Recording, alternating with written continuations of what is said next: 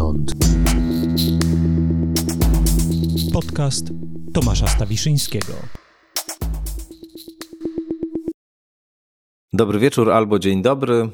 Nowy odcinek skądinąd przed Państwem. Tym razem temat pandemiczny, ale nie tylko, pandemiczno-polityczny. Razem z naszym gościem, profesorem Piotrem Augustyniakiem z Uniwersytetu Ekonomicznego w Krakowie, filozofem, jednym z najciekawszych współczesnych filozofów młodego, średniego pokolenia.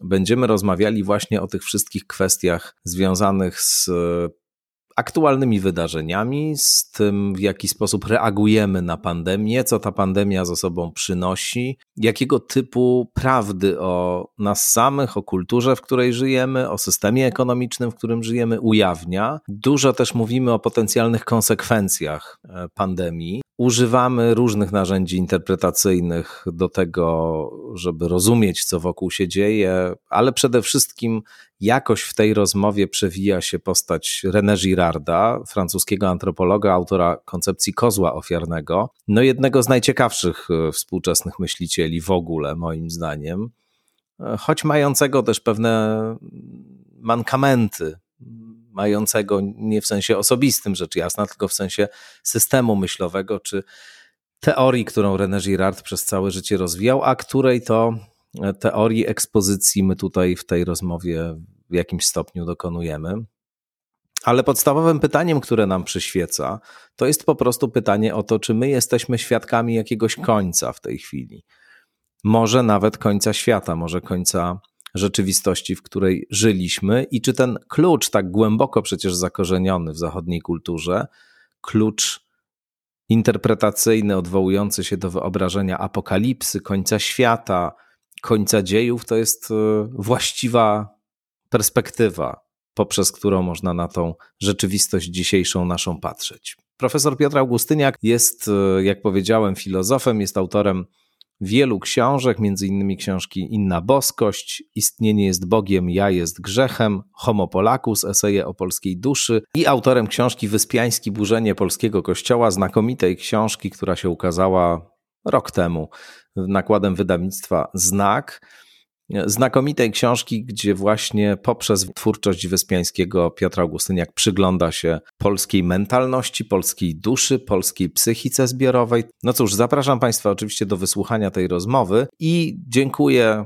z całego serca wszystkim, którzy ten podcast wspierają finansowo. Zachęcam do tego tych, którzy jeszcze się nie zdecydowali. Zachęcam też do wyrażania entuzjazmu i pozytywnych opinii, jeśli znajdują Państwo te rozmowy interesującymi. Można to robić a to w aplikacjach, na przykład w Apple Podcasts, a to w różnych innych miejscach, dając dużą liczbę gwiazdek, wystawiając korzystne komentarze. To wszystko pomaga, buduje jakiś kapitał symboliczny tego podcastu. A jeśli chodzi o wsparcie finansowe, to via serwis Patronite albo moja strona internetowa www.stawiszynski.org. Tam są wszystkie odpowiednie narzędzia do tego, żeby jakiś rodzaj regularnego bądź nieregularnego wsparcia temu podcastowi zapewnić dla y, regularnie wspierających kwotą od 20 zł w górę.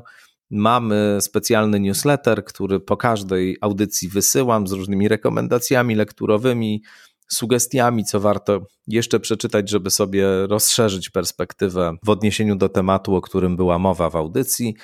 No a dla wszystkich y, wspierających w ogóle mamy też grupę facebookową, na której różne ciekawe dyskusje się toczą. Profesor Piotr Augustyniak, dzień dobry. E, dzień dobry Tomaszu, dobry wieczór Państwu, dzień dobry Państwu. Rozmawialiśmy dosyć dużo y, o koronawirusie, o pandemii koronawirusa w tej pierwszej fazie pandemii, y, w różnych miejscach, przy różnych okazjach. E, I stosowaliśmy, ty stosowałeś taki klucz interpretacyjny do rozumienia tego, co się dzieje, korzystający wyobraźni apokaliptycznej, z e, mitu, z wyobrażenia, z e, idei apokalipsy, która głęboko ukształtowała zachodnią wyobraźnię, zachodnie myślenie. I zastanawiam się, na ile ta sytuacja, w której teraz jesteśmy, u, można powiedzieć, początku tej drugiej fazy pandemii, która rozwija się z ogromną prędkością, i też w momencie, kiedy różne politycznie intensywne rzeczy się dzieją i w Polsce, i za granicą. Zastanawiam się, czy dzisiaj także myślisz, że ten klucz apokaliptyczny to jest dobry klucz do rozumienia tego, co się dzieje? Myślę, że tak. To znaczy, na pewno inaczej ten klucz trzeba zastosować, ale ta figura apokalipsy jest figurą pojemną, jest figurą wielowymiarową i wydaje mi się, że oczywiście teraz, kiedy mamy tak dużo zachorowań, kiedy mamy generalnie inną atmosferę społeczną, bo zaryzykowałbym takie twierdzenie, że ona się różni, to na pewno y, tego narzędzia trzeba by było użyć trochę inaczej niż wtedy, ale być może, że nawet teraz y, ono jeszcze bardziej wprost się do tej sytuacji stosuje. To znaczy, kiedy myślałem o tej pierwszej fazie pandemii, to ten klucz apokaliptyczny był równolegle dla mnie y, przeze mnie używany z, z, z, z figurą widma, widmowości, tego, co mhm. ma taki niejasny zupełnie status ontologiczny i um, można powiedzieć raczej nas gdzieś wprowadza w pewien, w pewien taki napały hipnotyczny letarg. Ewentualnie ta pandemia w tym sensie byłaby apokalipsą w tamtym kontekście, że, że ujawnia pewną e, prawdę o nas. Wiadomo, że apokalipsa to jest odsłanianie, czy też ujawnianie, objawianie, więc że ona objawia pewną e, wypieraną przez nas niechcianą prawdę o nas samych. To znaczy, że jeżeli E, kiedy nie ma prawie w ogóle zachorowań, a my y, tak bardzo restrykcyjnie unikamy kontaktów, kontaktów społecznych, to mogłoby objawiać, że generalnie mamy ich, ich dosyć, tylko w takim w cudzysłowie normalnie funkcjonującym świecie one po prostu nie, nie jesteśmy w stanie tego, tego pokazać, bo mamy różnego rodzaju y, przymusy cywilizacyjne związane z, z wychowaniem, socjalizacją i tak dalej, które sprawiają, że sobie tego y, nie możemy na to pozwolić, że jeżeli za, tak chętnie zasłaniamy maskami twarze, to, to może dlatego, że tak naprawdę nie mamy ochoty na siebie patrzeć, ponieważ jesteśmy tak y, spolaryzowani, tak pełni niechęci wzajemnej, że, że po prostu jest to nam na rękę. Więc to były te klucze z pierwszej fazy pandemii, y, które gdzieś przychodziły mi do głowy i próbowałem jakoś nimi my, myśleć, trochę się oczywiście też narażając, ale myślę, że taki namysł filozoficzno-kulturowo-antropologiczny, no on sięga właśnie po takie nie, nieoczywiste klucze i, i, wydaje mi się, że w ramach tego namysłu należy te, tego typu eksperymenty wprowadzać. Natomiast teraz oczywiście mamy zupełnie inną sytuację. Mamy zachorowań bardzo dużo, mamy, mamy dużo niestety zgonów również. E, ta pandemia galopuje i w zasadzie e, my nie nadążamy za nią. Wtedy można powiedzieć, że myśmy ją wyprzedzali tymi środkami e, zaradczymi, prewencyjnymi bardziej niż, niż, niż reagującymi już na, na sytuację. Teraz y, to my gonimy pandemię, ona, ona, ona biegnie do przodu, przejeżdża przez nasz świat trochę jak właśnie jeździć apokalipsy i te klucze apokaliptyczne dzisiaj należałoby ich inaczej używać. I e, to, co mi e, przychodzi do głowy, to, to przede wszystkim ta apokalipsa w, w, w ujęciu René Girarda, e, która, kiedy, która polega generalnie na tym, że nasz świat pogrąża się w w, w takiej pełnej agresji wzajemnej, wyniszczającej polaryzacji. Że mamy jakby ten element i że to jest właśnie, i że, i że apokalipsa polega na tym, że nie mamy dzisiaj żadnych mechanizmów cywilizacyjnych, które pozwoliłyby y, tę polaryzację y, w, w jakiś sposób z, zatrzymać. Kiedyś była figura kozła ofiarnego, a dzisiaj ona ona nie do końca jest w stanie zadziałać. Na tym polegałaby jego zdaniem apokaliptyczność naszego świata i jego zdaniem w ogóle nowoczesność jest tego rodzaju apokalipsą. Natomiast wydaje mi się, że ta sytuacja obecna no, w jakiś sposób być może e, przyspiesza, czy, czy właśnie znowu ujawnia, że, że ta girardowska diagnoza w jakimś stopniu jest Y, jest prawdziwa. To znaczy, puszczają nam mechanizmy obronne wobec tego, że naprawdę jesteśmy zagrożeni, naprawdę jesteśmy osaczeni, naprawdę jesteśmy y, zaniepokojeni, naprawdę jesteśmy zmęczeni, to w tym momencie jakby przyspieszają te, te procesy ekspresji wzajemnej niechęci, wzajemnej no trzeba to powiedzieć też nienawiści i to eskaluje dzisiaj. W tym sensie można było powiedzieć o apokalipsie. No właśnie, bardzo ciekawe, że wprowadziłeś zaraz na początku René Girarda do tej naszej rozmowy, bo też się chciałem do niego odwołać i do tej jego ostatniej książki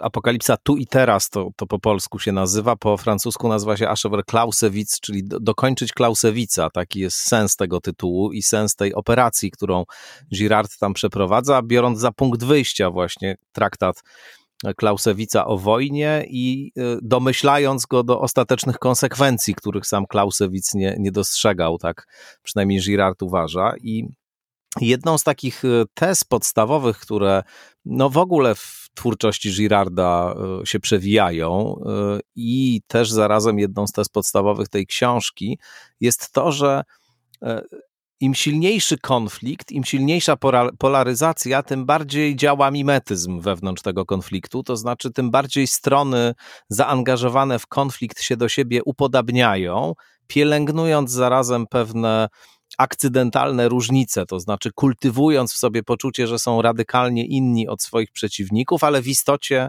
nieświadomie się do nich upodabniając, co ma prowadzić ostatecznie do stanu odróżnorodnienia, takiego stanu, gdzie właściwie wszyscy już są ze wszystkimi skonfliktowani i nikt nie wie tak na dobrą sprawę, od czego się zaczął konflikt, o co mm, w nim chodzi, tylko panuje przemoc, która ostatecznie prowadzi do całkowitego, e, całkowitej anihilacji wspólnoty. E, I e, wedle Girarda, między innymi, właśnie wygaśnięcie instytucji wojny, która była takim zwornikiem przemocy w cywilizacji zachodniej, która jakoś tam ka kanalizowała przemoc i, i, trzymała ją w ryzach, no jest czymś, co, co przy, przy, przy, przyspiesza nadejście tego stanu całkowitej, całkowitego odróżnorodnienia. No i e, jak myślisz, czy rzeczywiście jest tak, że e, ten, e, ta diagnoza Girarda o tym, że my się osuwamy w przemoc taką globalną, osuwamy się do takiego stanu, który w książce nazywa się osiąganiem skrajności, czyli właśnie wchodzeniem w fazę takiego konfliktu radykalnego, w którym już nie wiadomo o co chodzi, który jest konfliktem wszystkich ze wszystkimi czy myślisz, że my faktycznie jesteśmy społecznie w takim, w takim miejscu? Mówię w ogóle o kulturze zachodniej, bo, bo to nawet nie tylko w Polsce, ale i, ale i na Zachodzie mamy takie no, apokaliptyczne rzeczywiście sceny. Odwołuję się tutaj na przykład do tych obrazów ze Stanów Zjednoczonych z niedawnych protestów, które wy, wy, wyglądały jak takie naprawdę apokaliptyczne filmy. E, to, to, to ukazują czasami, kiedy te hordy biegały po ulicach rozwalały sklepy, włamywały się gdzieś do, do jakichś miejsc i tak dalej. To rzeczywiście wyglądało jak taka, jak taka scena z filmu apokaliptycznego. Tam w tle oczywiście jest jakiś potężny, potężne emocje, potężny poziom gniewu, wściekłości, żalu, pretensji, ale też no, zawiedzionych nadziei i tak dalej. Ale właśnie, czy to jest takie Twoim zdaniem miejsce, czy ta diagnoza Girarda jest trafna? Wiesz co, ja myślę, że ona się z jednej strony jakoś narzuca i jest bardzo atrakcyjną propozycją spojrzenia, można powiedzieć tak, z ukosa na to, co się dzieje, bo y, jeżeli tak próbujemy to wprost relacjonować i, i wprost się temu przypatrywać, no to łatwo ulegamy jakimś uproszczeniom, prawda? Opowiadamy się po której stronie i mówimy, no tutaj jest właśnie ekspresja słusznych wartości, y, jest y, walka o wolność, no a po drugiej stronie jest właśnie tylko i wyłącznie nienawiść reaktywna i tak dalej, i tak dalej, tak? Czy wydaje mi się, że chciałbym zacząć od tego, że moim zdaniem y, w takim meta namyśle, który my jako filozofowie jesteśmy winni społeczeństwu i sobie samym, no to jest właśnie konieczne to, żeby spróbować to, to patrzenie z ukosa uruchomić. Czyli dla mnie jakby Girard jest dobrym punktem wyjścia do tego, żeby, żeby takie spojrzenie z ukosa pod włos, trochę jakby wbrew wbrew pewnym narzucającym się intuicjom, żeby go jakby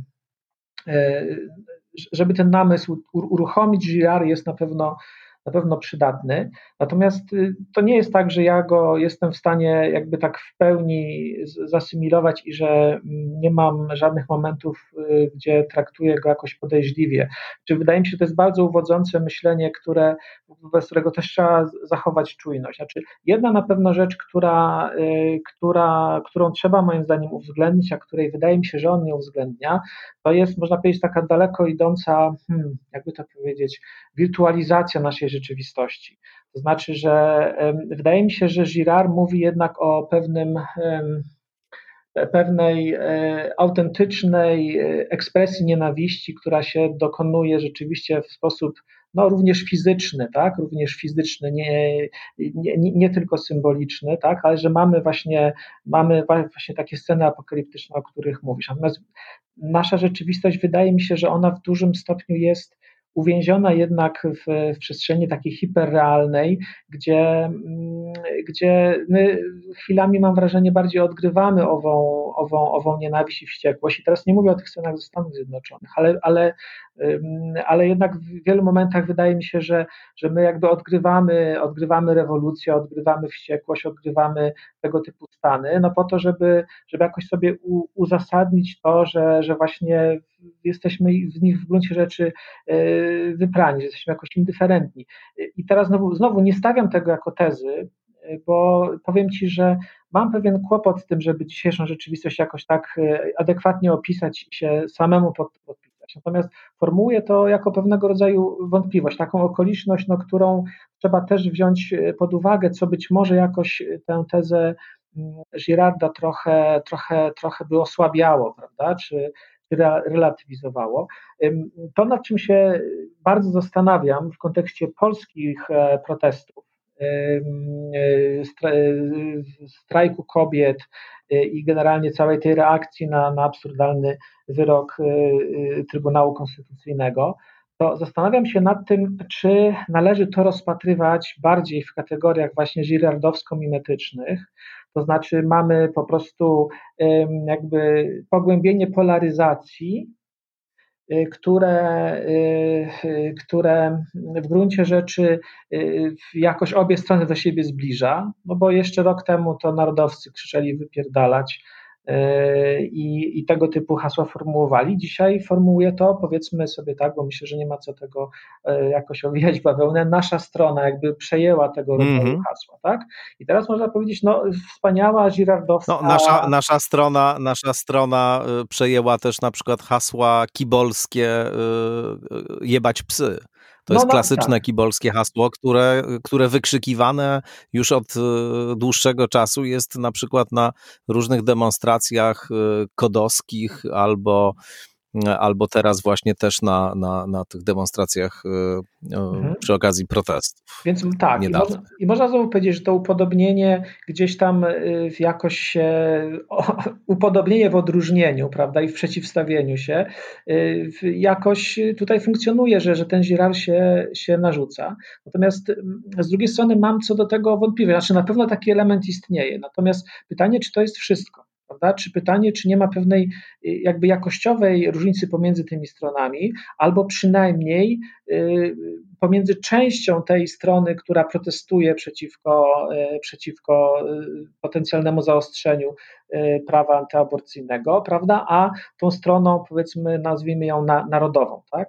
Znaczy, bo, bo na pewno w jakiejś części uczestników tych, tych protestów to, to, to symetryczne niejako podobieństwo istnieje, ale że chciałbym wierzyć w to i, i, i przeczuwam, że, że tutaj jednak jest pewna jakościowa różnica. I teraz jak ją, jak ją ewentualnie uchwycić? W kategoriach girardowskich moim zdaniem nie da się jej uchwycić i to byłby taki moment jakby kłopotliwy tej teorii.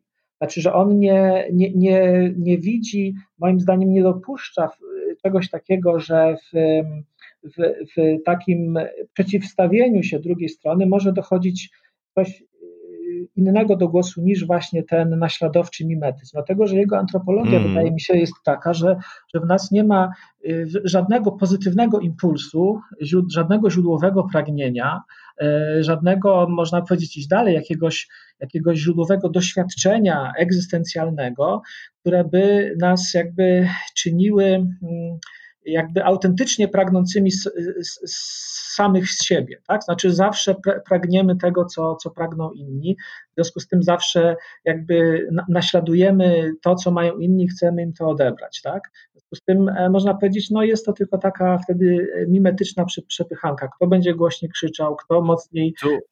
Mhm. Mhm. Nie, nie, tutaj chciałem tylko e, wtrącić kilka, kilka zdań a propos mm, żeby samego mhm. Girarda jakoś wyeksponować, bo, bo mówimy tutaj o nim, więc e, tylko dodam, że takim elementem e, u Girarda e, fundamentalnym, przełomowym jest oczywiście chrześcijaństwo, teksty Ewangelii, które dla niego są no, absolutnie bezprecedensowym i centralnym wydarzeniem w historii kultury które właśnie rozmontowują te mechanizmy, o których mówisz, to znaczy te mechanizmy naśladowczej przemocy, no bo jego antropologiczna wyjściowa teza jest właśnie taka, że ludzie uczą się naśladować inne pragnienia od samego początku, cudze pragnienia, że właściwie nigdy nie pragnę niczego sam z siebie, zawsze tylko pragnę tego, co ktoś inny też pragnie. No i to od razu wprowadza element rywalizacji, konfliktu, bo pomiędzy mną a obiektem mojego pragnienia zawsze jest ten, który mi to pragnienie zapośrednicza, więc mój konkurent do tego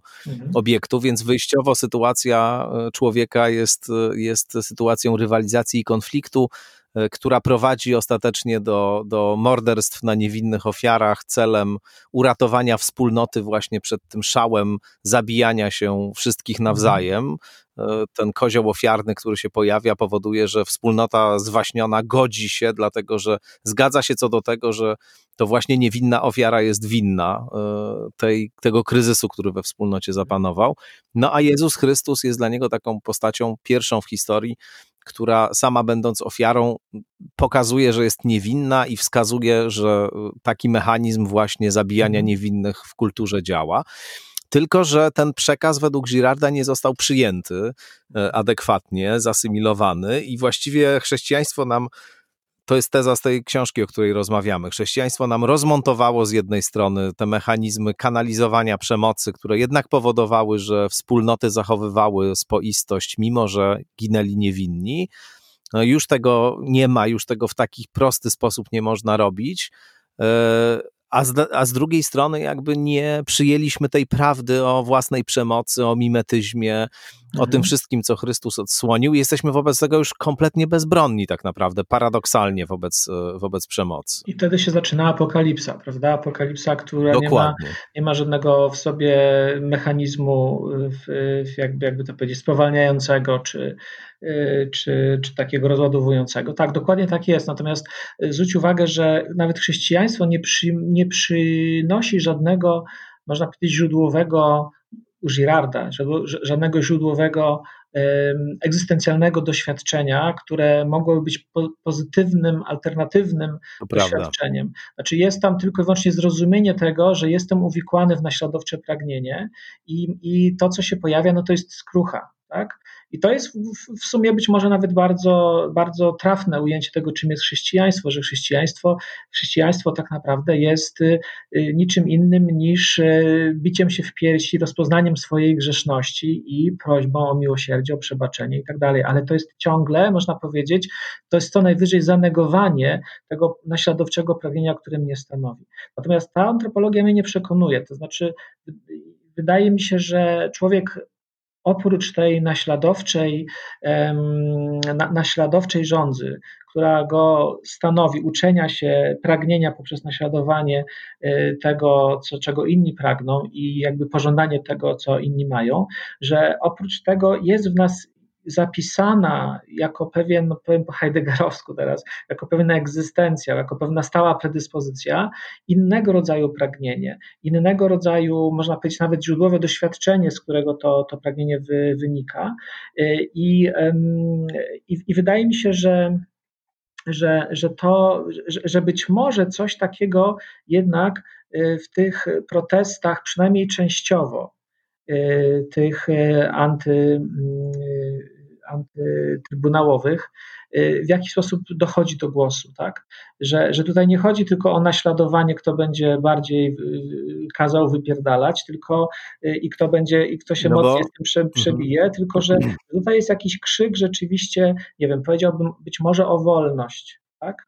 Być może taką... Jakieś upodmiotowienie też następuje chyba, nie? Chyba tak. Jakiejś części, jakiejś części osób, które być może wcześniej jakoś nie nie miały takiej świadomości, nazwijmy to politycznej, albo mhm. jakoś mniej były skłonne do tego, żeby e, no, w sposób wyraźny stawiać jakieś mhm. granice i tak dalej, no to jest taki niewątpliwie właśnie moment upodmiotowienia.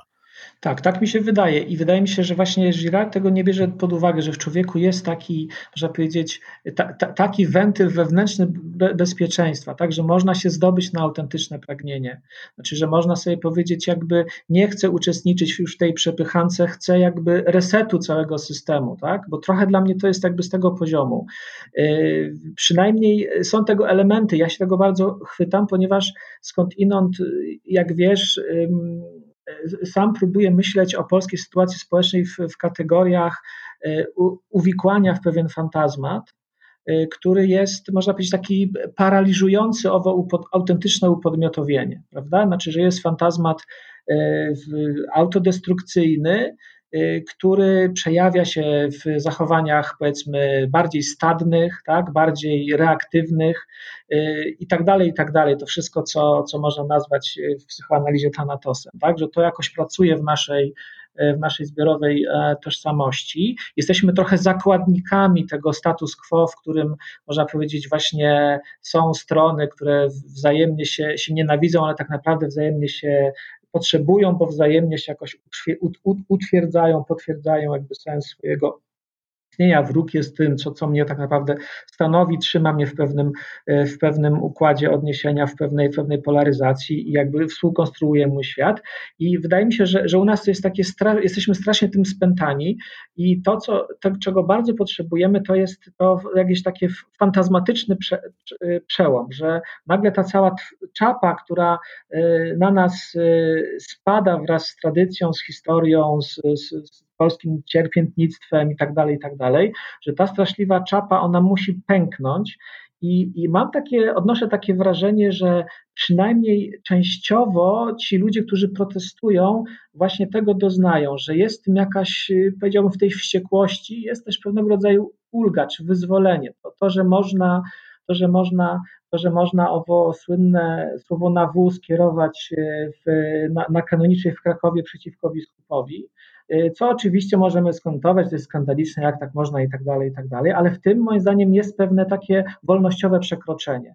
I to, to co jeszcze jakby by o tym, o tym mogło mówić, y, to o tym świadczyć, to też to, że że, że, że pojawiają się oprócz tych dosadnych słów, pojawiają się też dowcipne hasła, prawda? Pojawia się jakaś atmosfera, można powiedzieć, w związku z tym pe, pewien, pewien krok ku symbolizacji te, tego gniewu i złości, prawda? Że, że, że, że wyrażamy go w sposób e, jakiś taki e, właśnie inteligentny, w sposób jakby wieloznaczny, w sposób taki, że ta ekspresja staje, jest ekspresją rzeczywiście podmiotu, który, który nie jest, można powiedzieć, ślepo ukierunkowany w jedną stronę, tak, ale ma w sobie jakąś przestrzeń i to wydaje mi się też jakoś dochodzi do głosu. Natomiast nie mam zielonego pojęcia, czy to jest to, co w tych protestach ostatecznie weźmie górę. Tego nie wiem, ponieważ mam takie wrażenie, że, że, że też część część osób, które, które kierują tym, tym całym protestem i tak dalej, no ma jednak takie powiedzmy dosyć um,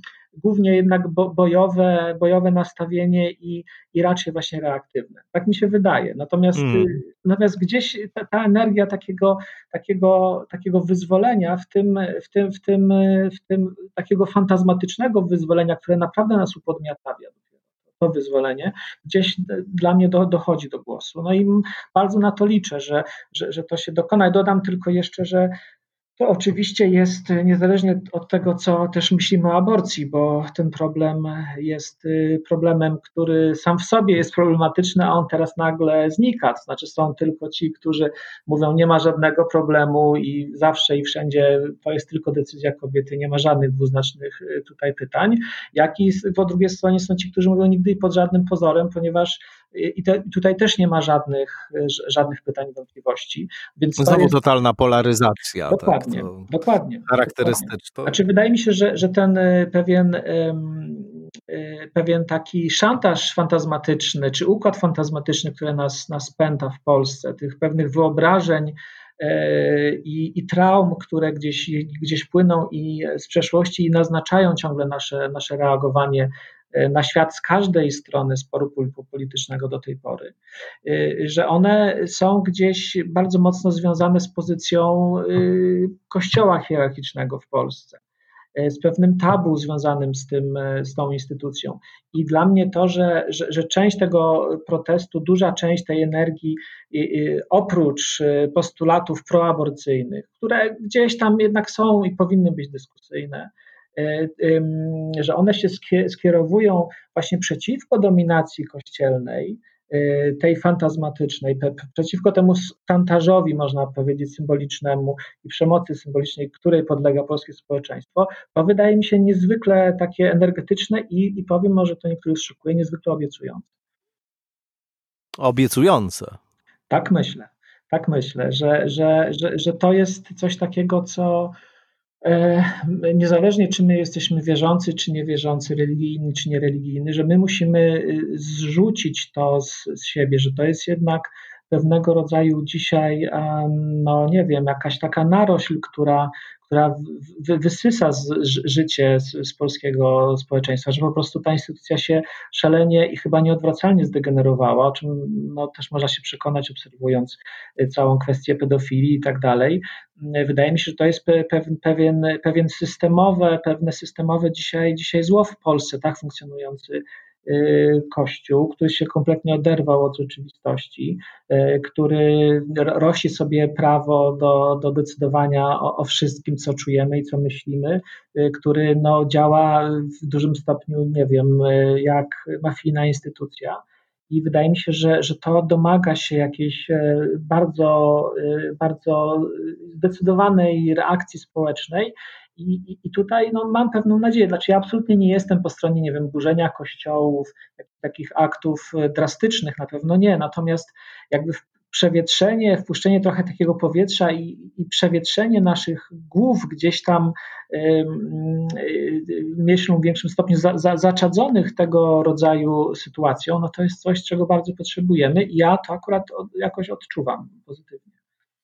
No ja myślę, że, że rzeczywiście ten film i filmy braci Sekielskich i ten ostatni film e, na temat kardynała Dziwisza, no to one pokazują bardzo wyraźnie, jakiego typu instytucją e, jest Kościół, zwłaszcza polski Kościół i też jaka postawa wobec e, własnych problemów, wobec społeczeństwa w tym kościele dominuje. No, dominuje postawa protekcjonalizmu, arogancji, omerty, zamiatania pod dywan i, i, i jakieś, znaczy to jest obraz tak naprawdę, naprawdę głębokiej demoralizacji i deprawacji tej instytucji. Wstrząsający, myślę, dla wielu osób, które chyba już e, coraz słabiej e, mogą korzystać, czy coraz mniej mogą korzystać, bo to już przestaje po prostu powoli działać z tej takiej dyżurnej narracji, którą wciąż jeszcze na przykład Radio Maryja uprawia nawet wobec tego, co ujawniają te ostatnie mhm. e, e ostatnie filmy i Sekielskich i ten, i ten TVN-owski, no już coraz słabiej działa ta narracja, że, że to wrogowie kościoła jakieś prowokacje przygotowują, szkalują e, kryształowych hierarchów, a instytucja jest e, doskonała, tylko, tylko ewentualnie jacyś tam e, geje, którzy przeniknęli do tej struktury, albo, e, albo jeszcze jacyś inni prowokatorzy, którzy celowo ten kościół od wewnątrz próbują zniszczyć właśnie na poziomie promila statystycznego popełniają tam w środku jakieś przestępstwa, no to już wszystko jakoś chyba nie za bardzo się sprawdza jako mechanizm racjonalizacyjny, bo, bo, bo prawda jest y, dość drastyczna i ona powoli będzie, będzie wychodzić z całą pewnością na światło dzienne. Może to faktycznie y, spowoduje jakieś prze, przetasowanie, jeśli chodzi o pozycję Kościoła w Polsce, ale wydaje się, że na razie to Kościół katolicki jest tak sklejony z władzą polityczną w Polsce, E, i tą władzą, która zresztą może też e, dostać w skórę, solidnie mówiąc e, kolokwialnie, i z uwagi na to, co pokazują te, te, te dokumenty ujawniające prawdę o Kościele, ale też z uwagi na to, co dzieje się przy okazji pandemii, do której chciałbym za moment przejść, żebyśmy się jej przyjrzeli teraz, ale, ale myślę, że dopóki to będzie takie silne sklejenie, a, to, a, a w tej chwili tak się sprawy mają, dopóki będzie w znacznej części społeczeństwa jeszcze taka narracja dominowała, że Kościół jest jedynym źródłem e, nauki moralnej, a poza nim to jest nihilizm i, e, i upadek, no to, tak. to, to jeszcze tak prędko ten przełom nie nastąpi chyba. Czy on pewnie nie nastąpi prędko y, i też można powiedzieć, że, że, że pewna y, reakcja z drugiej strony zwierania szyków znowu może nastąpić. To, to, jest, to jest możliwe. Natomiast ja tak sobie myślę, e, że, że znaczy, dwie, dwie rzeczy przychodzą mi do głowy. Znaczy, pierwsza rzecz to, to taki w sumie mądry głos, który gdzieś w, w, na Facebooku przeczytałem, że że jest też coś niepokojącego w tym teraz takim nagłym, gwałtownym wzmożeniu tych e, antykościelnych wystąpień. To znaczy, że tak jakby. Zgadzam się, zgadzam. Tak, tak jakbyśmy, nie wiem, nie wiedzieli tydzień temu, czy dwa tygodnie temu, czy miesiąc temu, że, że, że jeden, czy drugi, czy trzeci kardynał tak się zachowuje i że jest właśnie taka cała, cała jakaś pajęcza sieć tego, e, tego, tego, tego, tej struktury, tego systemu, który działa tak, a nie inaczej. Znaczy, przecież wszyscy wiemy, a jednocześnie nagle oglądamy film o kardynale Dziwiszu i nagle wszystkim się otwierają oczy i idziemy teraz na kurię, prawda? Znaczy, że w tym jest coś takiego, w tym sensie niepokojącego, że właśnie ta osoba zwróciła na to uwagę, że, że to jakby bardzo trąci taką, taką bardziej karnawałowym odreagowaniem.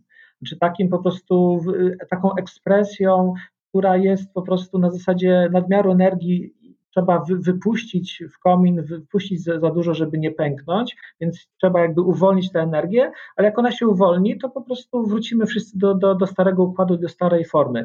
Tego trochę się obawiam, że to może tak być, a to się wiąże bardzo ściśle z sytuacją pandemii. Znaczy, wydaje mi się, że, że jednak ta sytuacja pandemii dzisiaj o wiele bardziej przypomina sytuację klasycznej zarazy. O ile na wiosnę to można powiedzieć, że tak mówiłem, że to jest raczej widmo zarazy, bo za, zachowuje się to i, i, wirus, i nasze reagowanie zachowuje się trochę, trochę inaczej, odwołuje się do pewnych kodów kulturowych, ale dziwnie się to obraca ze względu na wirtualność e, obecności wirusa, że on jakby, jego obecność jest jakoś odroczona, jakoś bardziej jest w naszych głowach niż jest realnie, tak było na wiosnę. Natomiast dzisiaj mamy e, sytuację, która w bardziej dosłowny sposób odtwarza sytuację zarazy i naszych kulturowych na nią reakcji.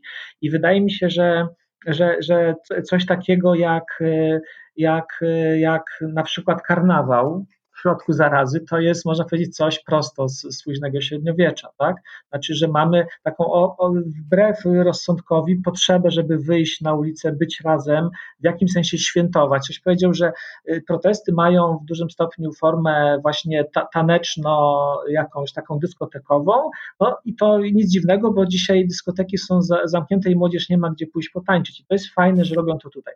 I to powiedziała nawet jedna z liderek protestu. Z, z jednej strony tak, okej, okay, to jest racja, zgadzam się z tym, ale z drugiej strony, no to jakby buduje te, te jakby takie skojarzenia no, z pewnymi zachowaniami, y, które, no, no, które są też bardzo, bardzo znamienne. To że, to, że, to, że jest ta ekspresja właśnie jakiejś e, złości, prawda, złości e, w formie właśnie werbalnej, no to też jest y, moim zdaniem głęboko uzasadnione właśnie lękiem wobec wirusa. No i też znowu ktoś, ktoś powiedział, że, że to, to wypierdalaj, które dzisiaj można powiedzieć idzie i, i, i aż o niebo się obija i aż wchodzi do kościołów i tak dalej. Ono jest y, na poziomie świadomym skierowane przeciwko oponentom politycznym, nie wiem, tym, którzy w tym kraju, że tak powiem, wchodzą z butami w bardzo intymne sfery kobiece, gdzie jakby nie powinni wchodzić i tak dalej. To jest oczywiste na poziomie świadomych reakcji tak właśnie jest, ale na jakimś głębszym poziomie to jest też wykrzyczenie tego, te, tego w sumie jakiegoś atawistycznego, choć uzasadnionego lęku przed, przed, przed, przed pandemią, przed, przed nieznaną chorobą, przed potencjalną chorobą i tak dalej, i tak dalej. Więc to jest jeden z takich tropów, no, który gdzieś nas prowadzi od protestów, od jakiegoś pragnienia y, zmiany społecznej no, ku, ku zachowaniom właśnie stricte związanym z, z reagowaniem ludzkiej populacji na zarazę. No bo mam wrażenie, zgadzam się z Tobą całkowicie i też o tym myślałem w kontekście y, tych scen taneczno-karnawałowych towarzyszących y, protestom, że to są takie no, archetypowe wątki, które się w y, czasach zarazy rozgrywają zawsze. To nawet nie tylko średniowiecze, ale i później też te XVIII-XIX wieczne pandemie to zawsze w którymś momencie ten e, rytuał karnawału właśnie się, się zawsze uruchamiał i, i, i pamiętam Jean Delimot w historii strachu w kulturze zachodniej opisuje taką scenę z pandemii cholery w Paryżu w XIX wieku, kiedy no, to jeszcze jest tak taki moment, czy taki, e, taki stan, w którym ta e, epidemia, ta zaraza już się szerzy, już jest śmiertelna, już dosięga niemal wszystkich, ale jest wyparcie, jest cały czas uznanie, że to się nie dzieje, że trzeba się bawić, że wszystko jest w porządku. No i taką scenę opisuje z jakiejś paryskiej opery, kiedy to wszyscy zamaskowani tam E, goście e, e, bawili się i w pewnym momencie jakiś zapowiadający człowiek właśnie również zamaskowany gdzieś się osunął na ziemię i, i coś tam z niego zaczęły wypływać jakieś fizjologiczne, jakieś fizjologiczne płyny, no bo był już w takim stanie, że, że, że, że to były jego ostatnie chwile, a zarazem, a zarazem jeszcze był w nastroju do tego, żeby żeby się bawić i zdawał się nie dopuszczać w ogóle do wiadomości tego, że cokolwiek takiego się z nim dzieje, ale mm, zastanawiam się nad tym e, przejściem od stanu wirtualności do stanu realności pandemicznej, e, które to przejście odzwierciedla się oczywiście w statystykach zachorowań. E, I teraz powiedziałbym tak, że ten wątek apokaliptyczny w pełnym sensie tego słowa może się wiązać z tym, że wszelkie fantazje apokaliptyczne, które wcześniej przeżywaliśmy, wszelkie takie silne apokaliptyczne impulsy, rozmaite zresztą, powiedzmy w ostatnim pięćdziesięcioleciu, które e, których doświadczaliśmy przy różnych okazjach, one się jednak rozgrywały w warunkach względnie funkcjonującego systemu. To znaczy, instytucje e, państwa, instytucje społeczne zachowywały ciągłość. No, można było mieć rozmaite obawy, bywały kryzysy mniej lub bardziej poważne, ale jednak struktura działała. Nawet w przypadkach takich radykalnych momentów, jak nie wiem, atak na World Trade Center, no to było poczucie, kiedy, kiedy, kiedy, że, że się wali rzeczywistość, że jest jakiś moment kompletnego, głębokiego załamania świata, jaki znamy, ale zarazem wszystko pracowało, służby ratownicze działały, e, pojawiła się policja, no jakby cały system działał i, i, był w stanie jakoś poradzić sobie z tą sytuacją.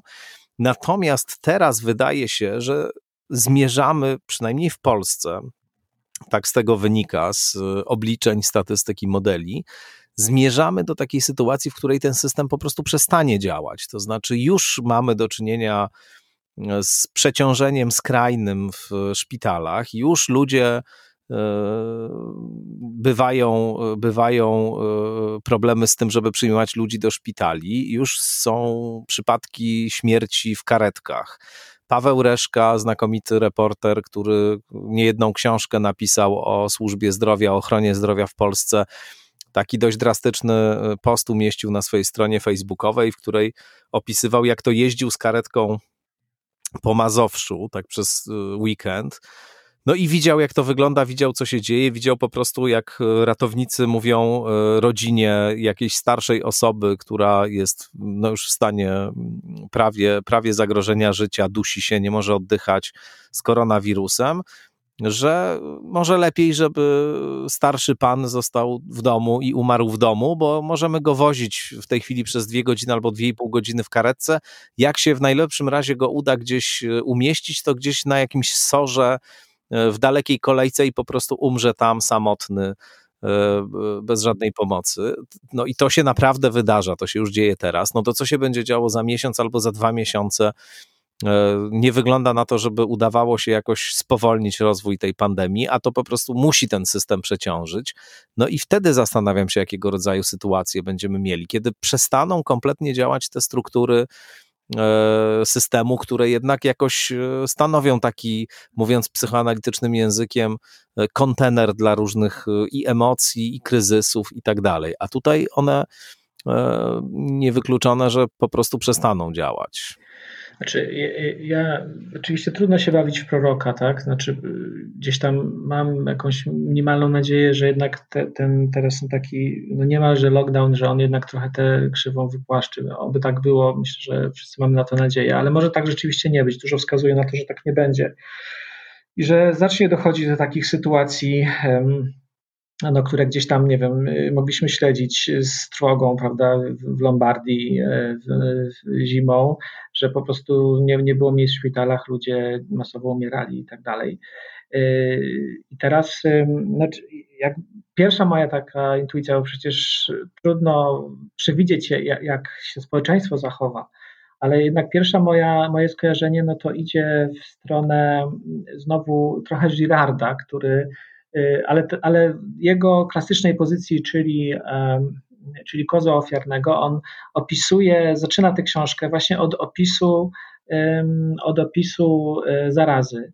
I, i właśnie ta, ten kontekst zarazy jest, jest takim pierwszym momentem, w którym, w którym on wprowadza figurę, figurę kozła ofiarnego. Znaczy, że szuka się po prostu jakiegoś winnego, żeby na nim wyładować, y, wyładować swoją, Y, agresję. I ja bym raczej spodziewał się, że, że właśnie to, to pozorne schrystianizowanie polskiego społeczeństwa, w dużym stopniu pozorne, y, powierzchowne, ono może spowodować, że, że my raczej cofniemy się do tych bardziej jeszcze pierwotnych mechanizmów, tych właśnie archaiczno-plemiennych y, i że, i że jakiegoś kozła ofiarnego sobie znajdziemy.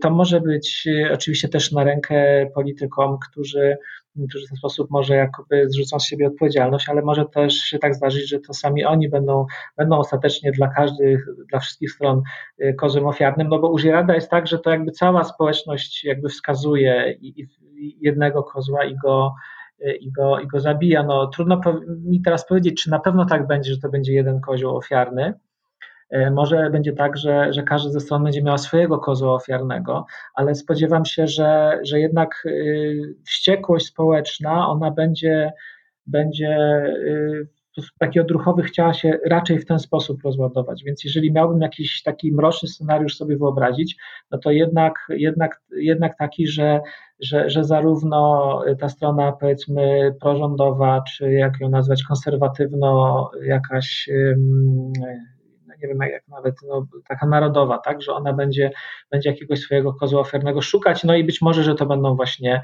właśnie feministki czy osoby LGBT, no i tutaj mamy doskonały pretekst, właśnie wyszły na ulicę, yy, wznieciły protesty, no więc one są winne tej krzywej zachorowań, no ale druga strona też może, może właśnie sobie tego kozła ofiarnego gdzieś tam wygenerować i i wskazać jedną osobę czy jakąś grupę osób, która jest winna całemu złu. A ja myślę, że, że, że nawet e, e, w takiej sytuacji, w, w której no, jakby uzasadnioną winę ponoszą dzisiaj rządzący, to wydaje mi się, że, że oni też nie ponoszą całej winy. To znaczy, to, że jeżeli Polska Służba Zdrowia dzisiaj wysiądzie, to nie tylko dlatego, że, że, że PiS nie odrobił lekcji w wakacje, nie przygotował procedur, ale myślę, że w dużym dużym stopniu, również dlatego, ale w dużym stopniu dlatego, że mamy tę niewydolność przez 30 lat, można powiedzieć, stale podtrzymywaną i stale pogłębianą, prawda? Natomiast ten e, mechanizm odreagowania wydaje mi się, że może jakby pójść wprost na, na tych, którzy dzisiaj e, są, są u władzy, no i, e, no i może to być też drastyczne. Nie, nie wiem, no to jest jakiś pierwszy pomysł, który mi przychodzi do głowy, że, że ten mechanizm kozła ofiarnego się, się uruchomi, no albo jeżeli nie, jeżeli zadziała nasze, nasze chrześcijańskie przekonanie, że, że że, że, że, że mechanizm kozła ofiarnego jest, jest nie, nie, nie, nie, fałszywy, nieskuteczny, no to wtedy chyba wojna domowa nas czeka, prawda? No to są też irardowskie tropy no, najmroczniejsze, które jakoś siłą rzeczy przychodzą do głowy. No ja właśnie też miałem takie skojarzenie z wojną jako sytuacją, którą można porównać do tej, w którą wkraczamy właśnie. To znaczy, jeśli rzeczywiście będzie tak, że e, ten system przestanie działać i on się stanie totalnie niewydolny, no to, no to to będzie sytuacja porównywalna z sytuacją wojny właśnie, kiedy też E, państwo nie działa, system nie działa, jest no, kryzys kompletny, kryzys totalny i, i właściwie jakby ludzie są zdani wyłącznie na, e, na siebie. No więc właśnie, prawda? Ja, ja nie wiem, jak to jeszcze inaczej ująć, bo teraz rzeczywiście już takim czarnowictwem strasznym zawiało, prawda? W tym, co obaj mówimy. To prawda, to prawda.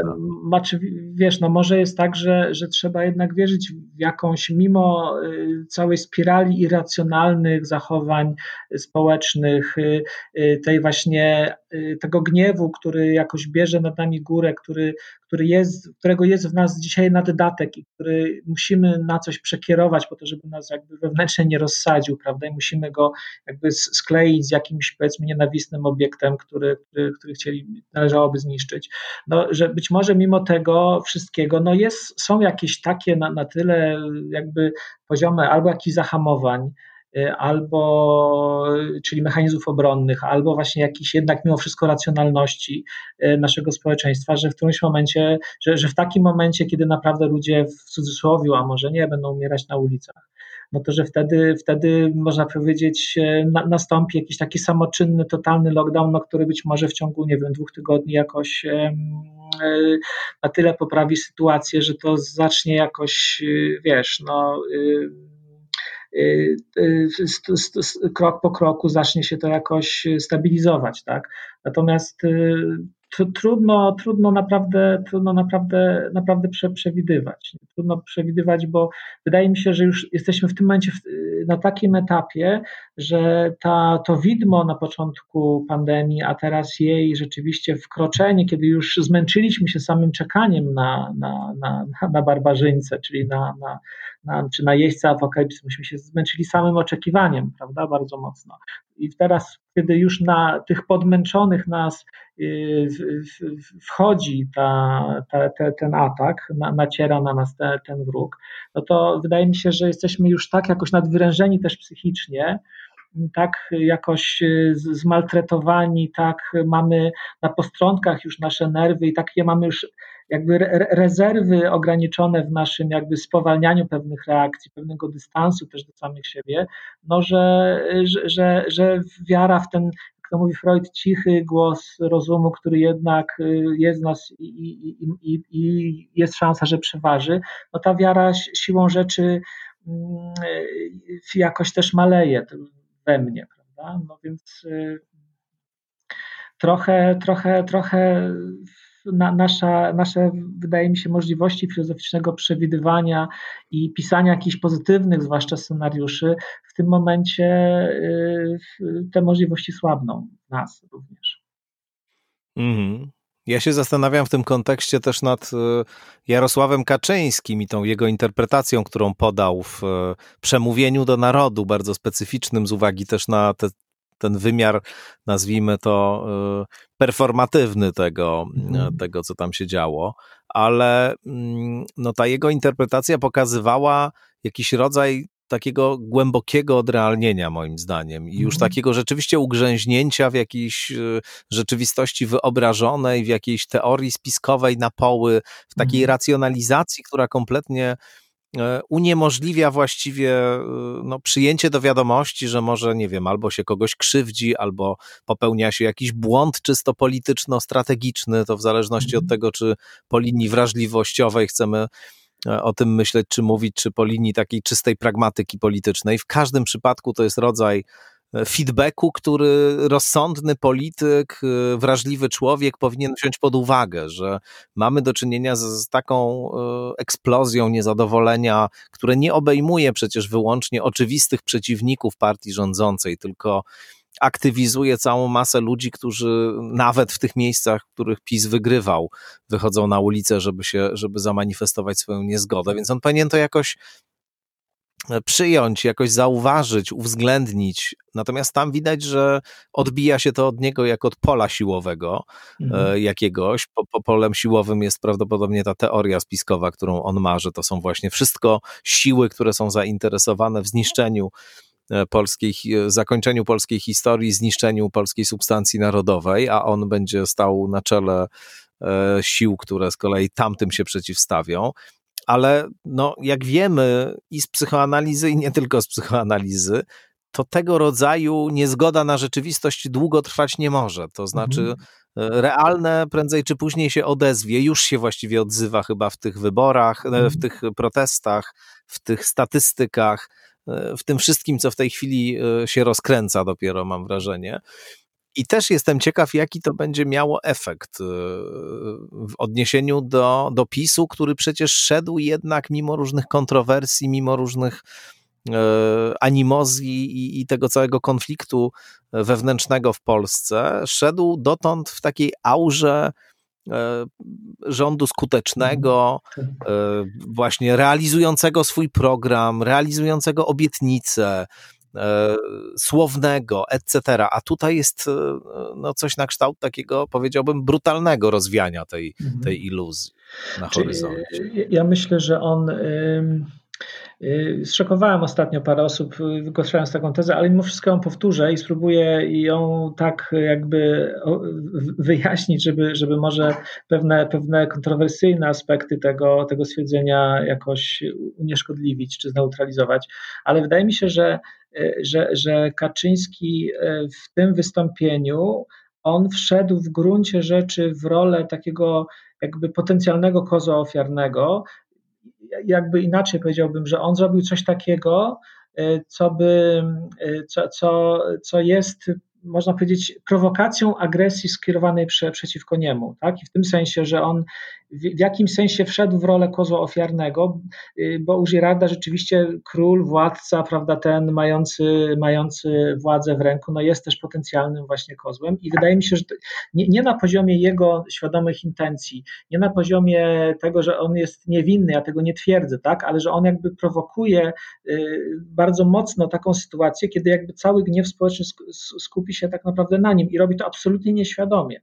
E, bo y, to nie, nie jest tylko gniew y, ludzi, którzy dzisiaj protestują przeciwko, e, przeciwko zachowaniom rządu, ale wydaje mi się też totalna dezorientacja jego środowiska. Znaczy, ja jestem przekonany, że gdyby pozwolili mu jeszcze tak ze trzy razy w tym stylu zabrać głos, no to wydaje mi się, że, że, że jakieś takie totalna na demobilizacja i dezorientacja tego środowiska no, y, musiałaby ostatecznie nastąpić, co by oczywiście też pogrzebało samego Kaczyńskiego jako polityka, prawda? Więc wydaje mi się, że, że było w tym coś głęboko irracjonalnego, głęboko. Również, bardzo ciekawa jest interpretacja. E, głęboko też również e, powiedziałbym autodestrukcyjnego i teraz nie wchodzę jakby w tą jego e, osobistą psychikę, nie chcę się bawić psychoanalityka pana Kaczyńskiego, natomiast mówię to na poziomie pewnej roli, którą on odgrywa w społeczeństwie, którą sobie przypisał, którą sobie jakoś przywłaszczył i ta rola predysponuje go do, do tego, żeby w tym momencie właśnie być jakby tym, tym zwornikiem agresji całego, całego społeczeństwa. I wydaje mi się, że on w coś takiego bardzo nieświadomie być może, w jakimś amoku właśnie wdepnął i to było, to było dlatego tak bardzo jakoś wstrząsające i dosadne. Tak? I, teraz nie wiem. No, jak... ale to jest, wiesz, bo. Mm, nie, nie, bo, bo to jest bardzo ciekawe, co mówisz, ale ja bym tu jeden jeszcze wątek tylko dorzucił, bo on zdecydowanie stał się jednym z najbardziej znienawidzonych ludzi w Polsce z jednej strony, ale z drugiej strony dla znacznej części polskiego społeczeństwa uchodzi jednak za zbawcę. No właśnie, ja nie wiem, czy, czy on na pewno uchodził za, zba, za zbawcę przez długi czas, natomiast czy akurat to wezwanie do tego, żeby stworzyć bojówki i iść e, przeciwko kobietom, czy to rzeczywiście tak szerokie kręgi społeczne jakby zmobilizowało i, i skonsolidowało wokół niego, to ja tego nie wiem. Nie znam takich badań. E, być może, że tak jest, tak jak mówisz, natomiast y, y, odniosłem takie wrażenie, że to może być również pewne nawet przekroczenie w tym kontekście, tak? Że, że, że on jeszcze, poszedł jeszcze dalej, tak? I że w związku z tym e, może już dzisiaj skupiać wokół siebie e, w, w, w takim pełnym przekonaniem tylko ekstremistów. Natomiast e, oczywiście nadal skupia wokół siebie polityków, którzy pewnie chcą go schować, którzy chcą go jakoś e, ugłaskać, ułaskawić, złagodzić jego reakcję.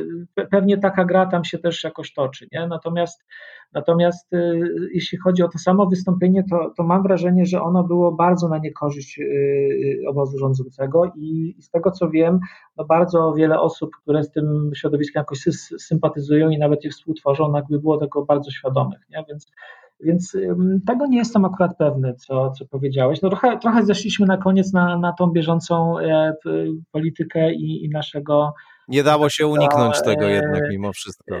Tak, no bo to, to jest myślę bardzo istotne. Może, może ja też, znaczy ja bym chciał powiedzieć tyle, że jeżeli nawet tak powiedziałem o nim, że, że, że wchodzi w rolę kozła ofiarnego, to nie dlatego, że jest niewinny, tak? tylko że jakby w sposób silniejszy od samego siebie, jakby skupia, przyciąga, jakby ogniskuje wokół siebie gniew. Tak? I to jest, i to jest coś takiego no, dla mnie z, z perspektywy takiej antropologiczno-kulturowej bardzo, bardzo, bardzo interesujące. Nie wiem, jakie będą tego konsekwencje. Być może, że, że to gdzieś po prostu zostało już przykryte, nie wiem, innymi, innymi sprawami, ale we mnie to wystąpienie bardzo mocno cały czas siedzi. Jest to chyba najmocniejszy do tej pory akcent całej tej, że tak powiem, afery społecznej, oprócz marszu na, na kanoniczej w Krakowie i, i wzywanie dosadnie biskupa Draszewskiego do odejścia, to, to, jest taki drugi moment y, rzeczywiście, który we mnie bardzo głęboko utkwił, jako jakoś znaczący w tej całej sytuacji. Powiem szczerze, że mną to wstrząsnęło też. To znaczy, widziałem parokrotnie już takie momenty, e, kiedy jemu puszczały nerwy i kiedy no, dawało, dawało się e, zaobserwować jakiś rodzaj takiej dekompensacji chwilowej, tak. na przykład mhm. w przypadku słynnego okrzyku o mordach zdradzieckich tam w tak. Sejmie.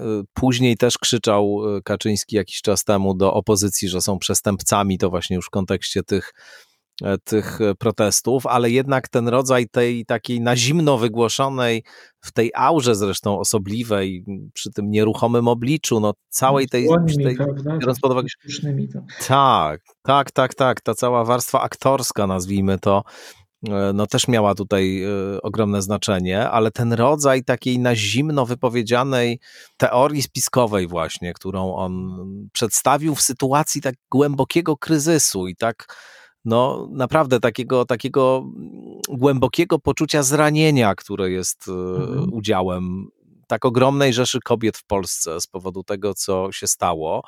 E, I ten rodzaj totalnego zamknięcia się na ten przekaz, który płynie od osób z ulicy, tylko takie zohydzenie ich całkowite, właściwie odebranie im jakiejkolwiek podmiotowości, uznanie ich za e, ekspozyturę jakichś sił ciemnych, które tutaj Polskę chcą destabilizować, no to jest odebranie całkowite podmiotowości tym osobom, które na ulicę wyszły i które się czują dotknięte, jednocześnie z wezwaniem właśnie do tego, żeby się temu aktywnie przeciwstawiać i, i, i właściwie wezwanie do wojny domowej.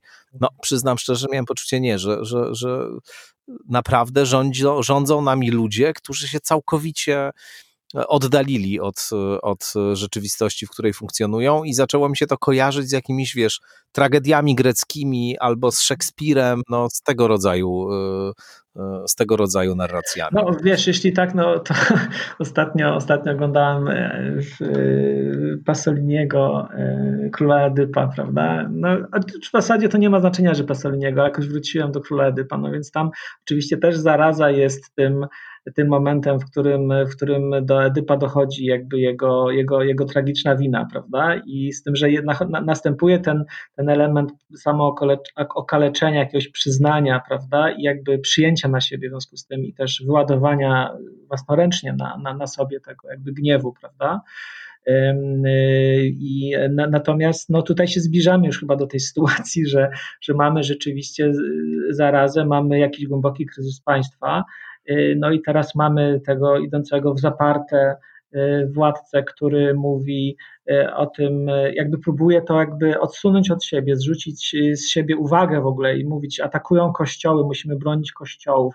Problemem nie jest dzisiaj pandemia, problemem nie jest no, nasze nieudolne rządy, tylko problemem jest dzisiaj atak na, na, na świątynię i na moralną tkankę prawda, naszego narodu na jego przyszłość i tak dalej, więc to jest, można powiedzieć, taki jakby ostateczny unik, rozpaczliwy unik, wypowiedziany językiem szaleńca, wypowiedziany rzeczywiście sposób no, wstrząsający, ale tym samym można powiedzieć, to jest już jakby o krok od tego finału, prawda, który, który Sofokles, Sofokles opisuje i, i, no, i to może być taki moment, no, w którym w którym jakby to jakby odrzucanie od siebie całej odpowiedzialności właśnie jakby tym bardziej jakby złość i gniew społeczny na, na, na, na tę osobę właśnie jakby przekieruje. Tak, tak rozumiem możliwy mechanizm, który tu następuje. Tak? Na, poziomie e, świadomości czy resztek świadomości to jest to próba rozpaczliwa ostatniego zepchnięcia, ostatnia próba zepchnięcia siebie jakby odpowiedzialności, mm, natomiast i przekierowania uwagi gdzie indziej, ale właśnie ten gest e, w swojej rozpaczliwości, w swojej dosadności, w swojej nagiej brutalności może spowodować właśnie reakcję która jakby całą tę energię właśnie na, na niego jakby przekieruje. To, to jest moim zdaniem możliwe. I, I, to właśnie miałem na myśli, mówiąc, że on się jakby sam wystawia do, do, do roli, do roli e, ofiarnego, sam się wystawia do tego, żeby, żeby, żeby przyznać się jako Edyp do, do, do, do, do odpowiedzialności, do winy za, za zaistniałą sytuację. Tak? No co, coś takiego mi tutaj majaczy bardziej, y, to, to jest pewien konstrukt, trochę myślane jest to na żywo, ale, ale są to bardzo ciekawe, bardzo jakieś pierwotne procesy kulturowo-tożsamościowe, które nas wszystkich dotykają i, i sam jestem ciekaw, jakie będą tego konsekwencje. Bardzo dziękuję. Profesor Piotr Augustyniak, dziękuję bardzo. Dziękuję za, za ciekawą rozmowę, dziękuję Tomaszu, dziękuję Państwu. Do usłyszenia.